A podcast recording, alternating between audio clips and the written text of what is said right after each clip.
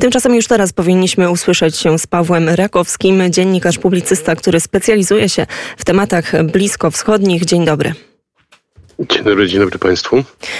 I zaczynamy oczywiście od e, wyborów e, w tak naprawdę można powiedzieć zrujnowanym i podzielonym kraju. Kilka tygodni temu zastanawialiśmy się, czy w ogóle te wybory się odbędą. Proszę opowiedzieć nam, jak wygląda sytuacja. To znaczy tak, no, wybory się odbyły e, bez wielkich, większych zakłóceń. To znaczy, co prawda w internecie jest dość dużo e, różnych filmików pokazujących, e, że w komisjach wyborczych, szczególnie zwolennicy partii z, żółtymi emblematami tam dokonywali jakichś nieprawidłowości. Doszło też do kilku przepychanek i bujek, ale to jest to jest margines, jeśli chodzi o, o to, że e, wybory się odbyły, wybory e, pierwsze od 2018 roku. E, no i to są pierwsze wybory od całkowitego upadku gospodarczego, walutowego, bankowego kraju cedrów. Ważne jest to, że jeszcze nie mamy wyników oficjalnych, ale już wiemy troszeczkę więcej, to znaczy wiemy o tym, że mm, Hezbollah, który e, tak właściwie no, jest e, niepodzielnym władcą na pewno części tego kraju, ale też ma bardzo duży wpływ na całość tego, całość Libanu, no, dostał pewnego rodzaju pstryczek w nos, to znaczy mm, chodzi o to, że E, zwolennicy Hezbollahu, czyli, e, czyli szyici. Z reguły jest tak, znaczy, żeby tutaj tworzyć e, politykę w Libanie, to te są przymierza ponadkonfesyjne, czyli że jest stronnictwo chrześcijańskie, które wspiera Hezbollah, czyli e, wolny ruch patriotyczny oraz też przeciwnicy mm, Hezbollahu, czyli siły libańskie. No i e, na chwilę obecną wiadomo, że e, prosaudyjskie i proamerykańskie siły libańskie zdystansowały swojego chrześcijańskiego oponenta. To jest bardzo ważna informacja. Szacuje się, że minimum siły libańskie otrzymały 20 mandatów w parlamencie. Parlament libański ma 128 miejsc, z tego 64 jest przeznaczone dla chrześcijan. Tak więc, tak więc to jest bardzo istotna informacja, która e, tak właściwie no, wiele nam mówi. To znaczy e, w pewien sposób e, Libańczycy dali wotum nieufności wobec tego, co się dzieje w ich kraju, co oczywiście jest zrozumiałe, no ale też przypominam, polityka w Libanie nie, nie opiera się o żadne ideologie, opiera się raczej o wpływy interesu. No i e, chociażby w związku z upadkiem tego kraju e, dalej nie można stwierdzić jednoznacznie, kto jest bezpośrednio odpowiedzialny. To znaczy e, wiadomo, że Hezbollah się ku temu przyczynił w sposób pośredni, to znaczy taki, że Zatoka Perska Głównie Arabia Saudyjska wycofała swoje aktywa finansowe, ponieważ e, uważa, uważa że to jest absurdem, żeby e, utrzymywała, e, żeby, żeby, żeby Riyad utrzymywał kraj, a przede wszystkim organizację, która gnębi w Jemenie między innymi, ponieważ Hezbollah jest obecny w Jemenie. Wiemy też o tym, że wizyta saudyjskiego ambasadora Walida Buhariego w, w okolicach Hermel w Dolinie Beka przyniosła jakieś konstruktywne e, skutki, to znaczy e, tam, gdzie Hezbollah z reguły zdobywał i zwolennicy Hezbollahu chrześcijańscy i też sunnicy zdobywali e, mandaty, teraz okazuje się, że jest z tym bardzo duży problem. Co prawda nie można tutaj mówić o pognębieniu Hezbollahu, ale na pewno sytuacja jest, jest znacznie diametralnie inna niż miało to miejsce w 2018 roku. No i e, tak, no, na chwilę obecną daleko jeszcze do stworzenia jakiejś koalicji rządowej. To jest, to, jest, to jest dopiero proces, który będzie powstawał i być może on będzie trwał tygodnie, a nawet miesiące. Natomiast jest to bardzo pozytywny sygnał e, e dla, dla tego kraju, jak i też dla świata. Przede wszystkim, jeżeli jeżeli udałoby się ograniczyć wpływy Hezbollahu, to automatycznie możemy liczyć na to, że kapitał Zatoki Perskiej wróci do Libanu i tak właściwie no, powstrzyma przypadkiem, powstrzyma tak właściwie dalszy upadek tego kraju i być może te miliardy dolarów, które będą wpompowane, uratują libańską bankowość, czy może odratują libańską bankowość, ponieważ już tu mówimy o tak właściwie o trupie. I to jest, to jest, to, to jest bardzo ważne. Kolejna sprawa jest taka, że jeżeli udałoby się stworzyć rząd, który, który by zepchnął Hezbollah do opozycji, jego zwolenników, no to mamy też o wiele ważniejsze wydarzenia, to znaczy zbliżają, będą też wybory prezydenckie w Libanie. E, wybory prezydenckie, znaczy prezydenta wybiera parlament. No i to akurat e, kwestia sukcesji obecnego prezydenta Michela Ayuna swoim zięciem Basilem Gibranem byłaby powstrzymana. To jest, to jest bardzo ważne. Mm, tutaj przypomnę, że zarówno Ayun, jak i też Basil Gibran to jest właśnie to stronnictwo, które wspiera Hezbollah. To oczywiście jest ważne też i dla całego regionu, to znaczy, a nawet i nawet i więcej, to znaczy mm, tak, no wpływy Iranu, które tam są w Libanie, no w pewien sposób no, ułatwiałyby na pewno penetrację Gazpromu e, libańskich złóż. E, to jest tam wielka e, rywalizacja, jeśli chodzi o te akweny w gazie, gazu e, ziemnego w, w, Morzu Śródziemnym. To jest sprawa dla nas zasadniczej rangi, ponieważ e, no, stamtąd też Europa w potencjalnej, niedługiej nawet i przyszłości mogłaby czerpać surowiec, którego trzeba koniecznie rezygnować z rynku rosyjskiego. E, no a nie możemy sobie pozwolić na to, żeby e, ten surowiec był tam przejmowany przez rosyjskie firmy, no bo to jest, e, to jest ten, to jest, to jest, to jest pocieszne. Oczywiście teraz widzę dość dużą kampanię e, obozu, nazwijmy to, zwolenników Hezbollahu. No bo prawda jest taka, że jeżeli chodzi o przeliczenie tych wszystkich głosów, to to Hezbollah zdobył najwięcej. Głosów, to jeszcze, tak, Pawle, tylko, przepraszam, że... że tak ci wejdę w słowo, ale mówisz trochę o reakcjach e, regionu, a powiedz proszę, czy są już jakieś głosy z Izraela, bo pamiętamy przy poprzednich wyborach e, tak naprawdę sąsiedni Izrael twierdził, że, że Liban wpadł w ręce Hezbollahu, a jak jest tym razem? No tak, no, opinia Izraela nikogo w Libanie nie interesuje e, i nie powinna interesować, no bo to już jest kwestia, kwestia inna. Natomiast e, fakty są takie, że tutaj siły libańskie, czyli, czyli jest to partia, organizacja tak właściwie, która była współzałożona przez słynnego Bashira Jamaela, e, no tak właściwie od lat, połowy lat 70. była sojusznikiem izraelskim, tak. Przypomnę, że w 82 roku e, Izrael najeżdżając na Liban w pewien sposób uratował e, chrześcijan, ponieważ było dość już duże kleszcze armii syryjskiej i palestyńczyków, którzy by tak właściwie zlikwidowali obecność chrześcijańską w, w Libanie.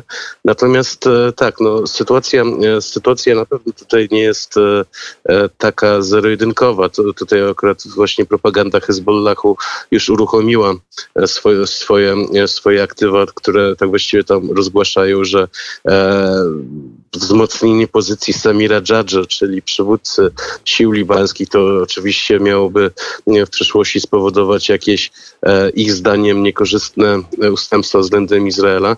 Natomiast e, to y, opinia izraelska jest zupełnie w ogóle nieistotna. Natomiast waż, ważniejsza jest tutaj rola przede wszystkim Arabii Saudyjskiej, no bo tylko, no bo tutaj akurat jak już informowałem o wiele wcześniej, mm, Arabia Saudyjska wracając na libańską e, scenę polityczną, no okazała się być bardzo konstruktywna. E, co prawda, no, fakty są takie, że chrześcijanie e, to jest tak właściwie, no z jednej strony jest, jest bardzo wyraźny podział pomiędzy chrześcijanami i, i, i jedni chrześci, jedno formacja jest aktywem irańskim, druga jest aktywem saudyjskim. No, tak właściwie ci chrześcijanie w Libanie to jest taki kwiatek do kożucha, no ale takie są fakty. Mm, e, I no, to akurat bym bardzo korzystnie ocenił. Natomiast e, dalej e, nie, nie widzę tutaj sytuacji, e, która miałaby też doprowadzać do jakiejś e, szerszej polaryzacji. Znaczy polaryzacja polityczna na pewno następuje, ale ona się na, raczej nie przerodzi w jakąś tam formę e, starć, chociaż już tutaj czytam komentarze odnośnie tego, że, że te zwycięstwo przede wszystkim zwolenników Hezbollahu, że to zwycięstwo opcjonalne tego, tej nowej władzy, tej, tak jakby powiązanej z Saudami, no będzie tak właściwie fikcją wobec arsenału Hezbollahu, którym, którym, którym ta organizacja dysponuje. Z drugiej strony też oczywiście słyszę opinie takie, że e, sam Hezbollah jest zawiedzony e, wynikami, które osiągnął w swoich matecznikach, e, co też by wskazywało na to, że nawet i szyici libańscy powiązani z, z, tym ugrupowaniem, no, są już zmęczeni, a przy, przy, zmęczeni są na pewno różnymi to akcjami, które, które toczą się w Jemenie, w Iraku, w Syrii, które to powodują, że ich tam synowie i, i bracia na, na tych frontach funkcjonują.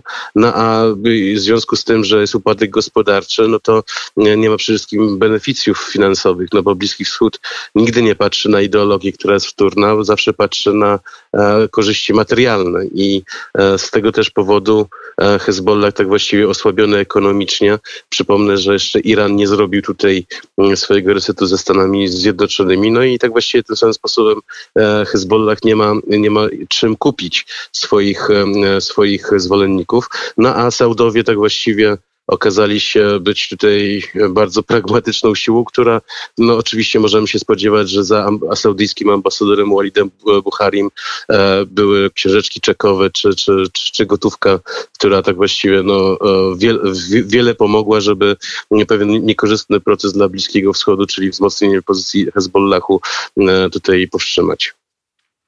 Pawle, to teraz zostawmy na moment Liban i przejdźmy do sprawy dosyć e, oburzającej, bo już chyba tak trzeba mówić o incydencie, o tym zajściu na pogrzebie amerykańsko-palestyńskiej dziennikarki e, w czasie tak naprawdę mm, nalotu armii na obóz dla uchodźców na zachodnim brzegu. Opowiedz proszę słuchaczom Radia e, Wnet z tych informacji, które mamy do tej pory, co tam się wydarzyło i jakie są reakcje.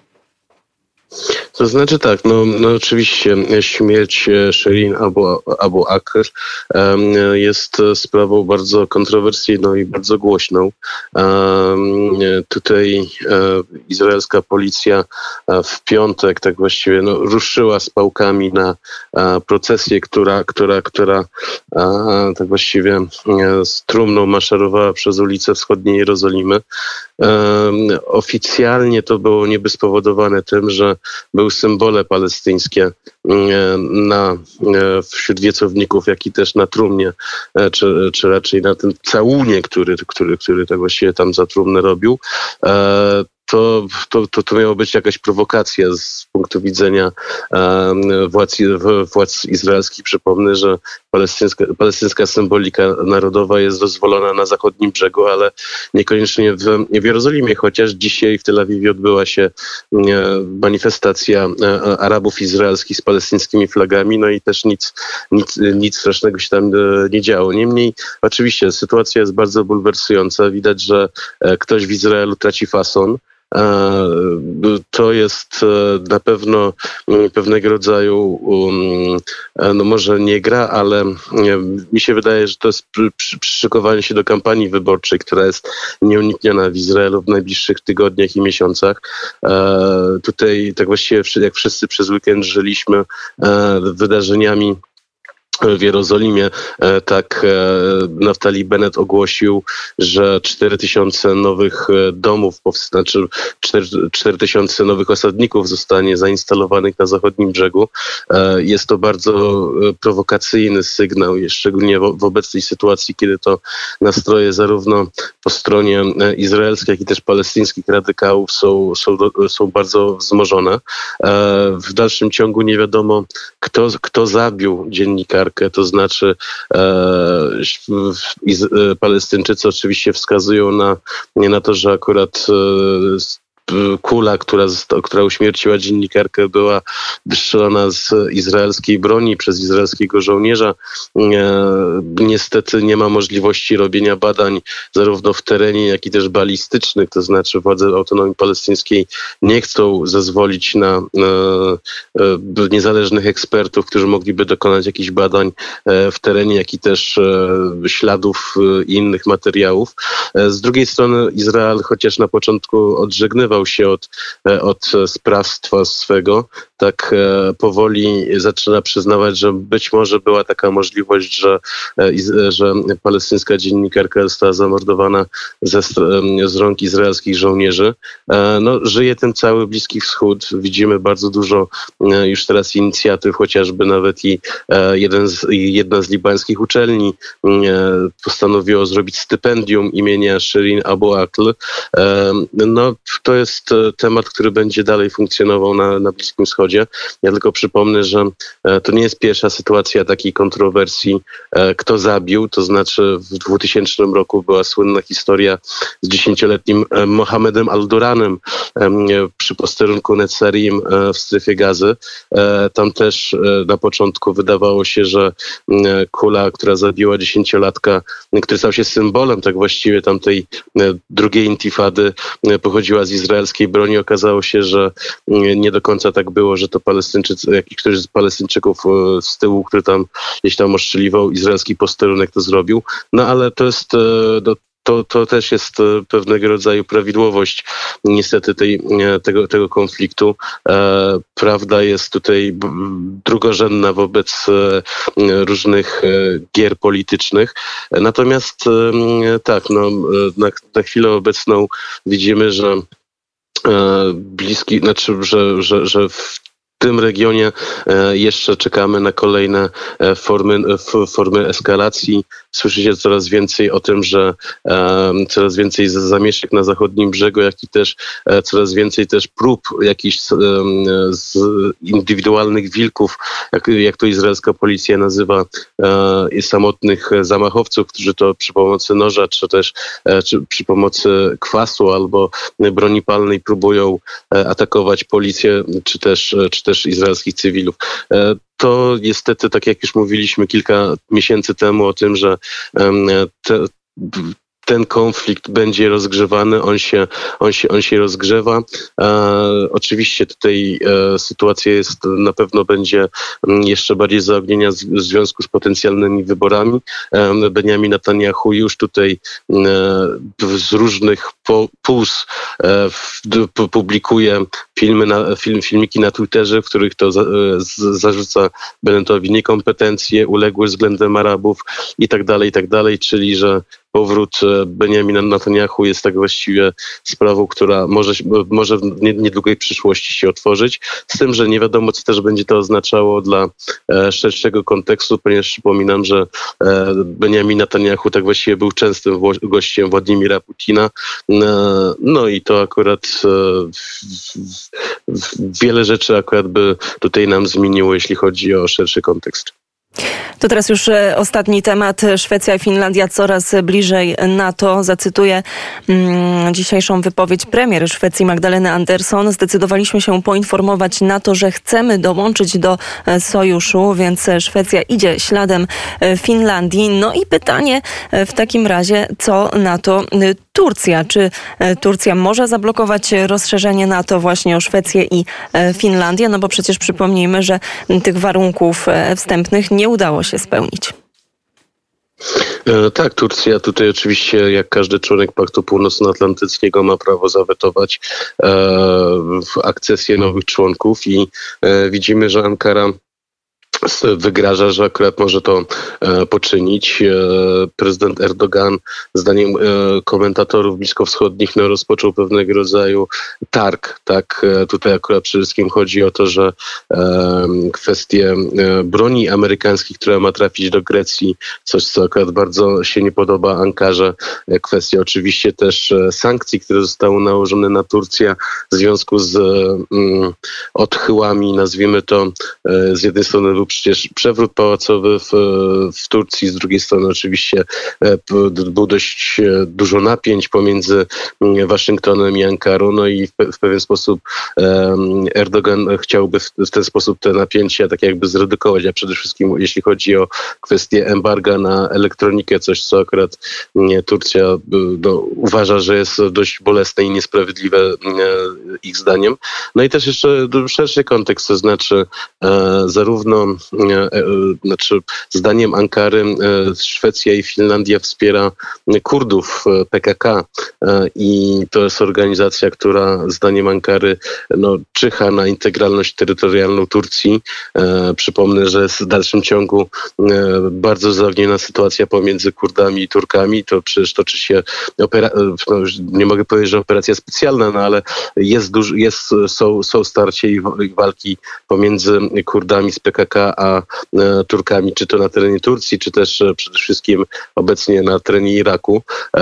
No to jest oczywiście coś, co w pewien sposób Erdogan chciałby załatwić, żeby e, Zachód, szerzej, rozum, szerzej rozumiany, cofnął swoje poparcie dla Kurdów. Zachód tego no, nie może za bardzo zrobić, no bo Kurdowie byli częścią tej koalicji anty, przeciwko Daesh, przeciwko państwu, państwu islamskiemu, no to trochę, trochę to niekomfortowe by było, jeśli chodzi o e, jakąś szerszą politykę. No i też oczywiście jeszcze sprawa taka, że Tur, e, że, że, że, że Szwecja, szczególnie Malmo i okolice, jest dużym skupiskiem ludności asyryjskiej, czyli e, no, chrześcijan głównie z, e, z Iraku, ale ongiś bujni Asyryjczycy mieszkali też na terenach dzisiejszej współczesnej wschodniej Turcji. No i tak samo jak Ormianie, którzy prowadzą kampanię globalnego przypominania i uświadamiania świata odnośnie zbrodni, które dokonali państwo otomańskie, jak i też później Turcja e, po I wojnie światowej, w trakcie i po I wojnie światowej na, na chrześcijanach, tak Asyryjczycy analogicznie e, prowadzą takie e, kampanie, które tak właściwie no, podejrzewam, że niewielu słuchaczy wie o tym, że Turcy są odpowiedzialni za śmierć ponad 100 tysięcy Asyryjczyków w okresie pierwszej, pierwszej wojny światowej i tuż po niej, w tym wielu Asyryjczyków krzyżowano. E, I to jest e, coś, co Asyryjczycy tak właściwie, no między innymi ze, e, ze, ze Szwecji aktywnie działają na rzecz uświadamiania Zachodu i obszarów też chrześcijańskich o tej zbrodni, która tak właściwie jest bardzo mało znana. No i to też powoduje wściekłość turecką.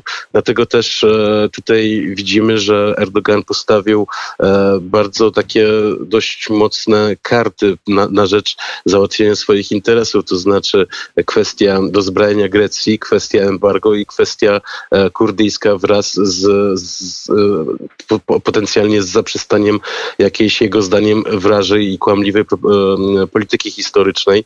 No zobaczymy, kto, kto, kto tutaj, e, jak to się rozstrzygnie.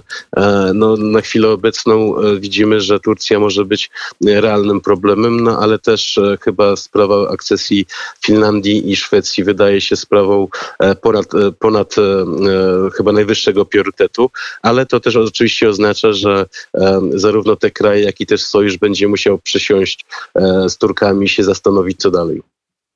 I tutaj stawiamy kropkę. Paweł Rakowski, dziennikarz, publicysta, który zajmuje się Bliskim Wschodem, był gościem Radia Wnet. Bardzo serdecznie dziękuję. Dziękuję bardzo, do usłyszenia.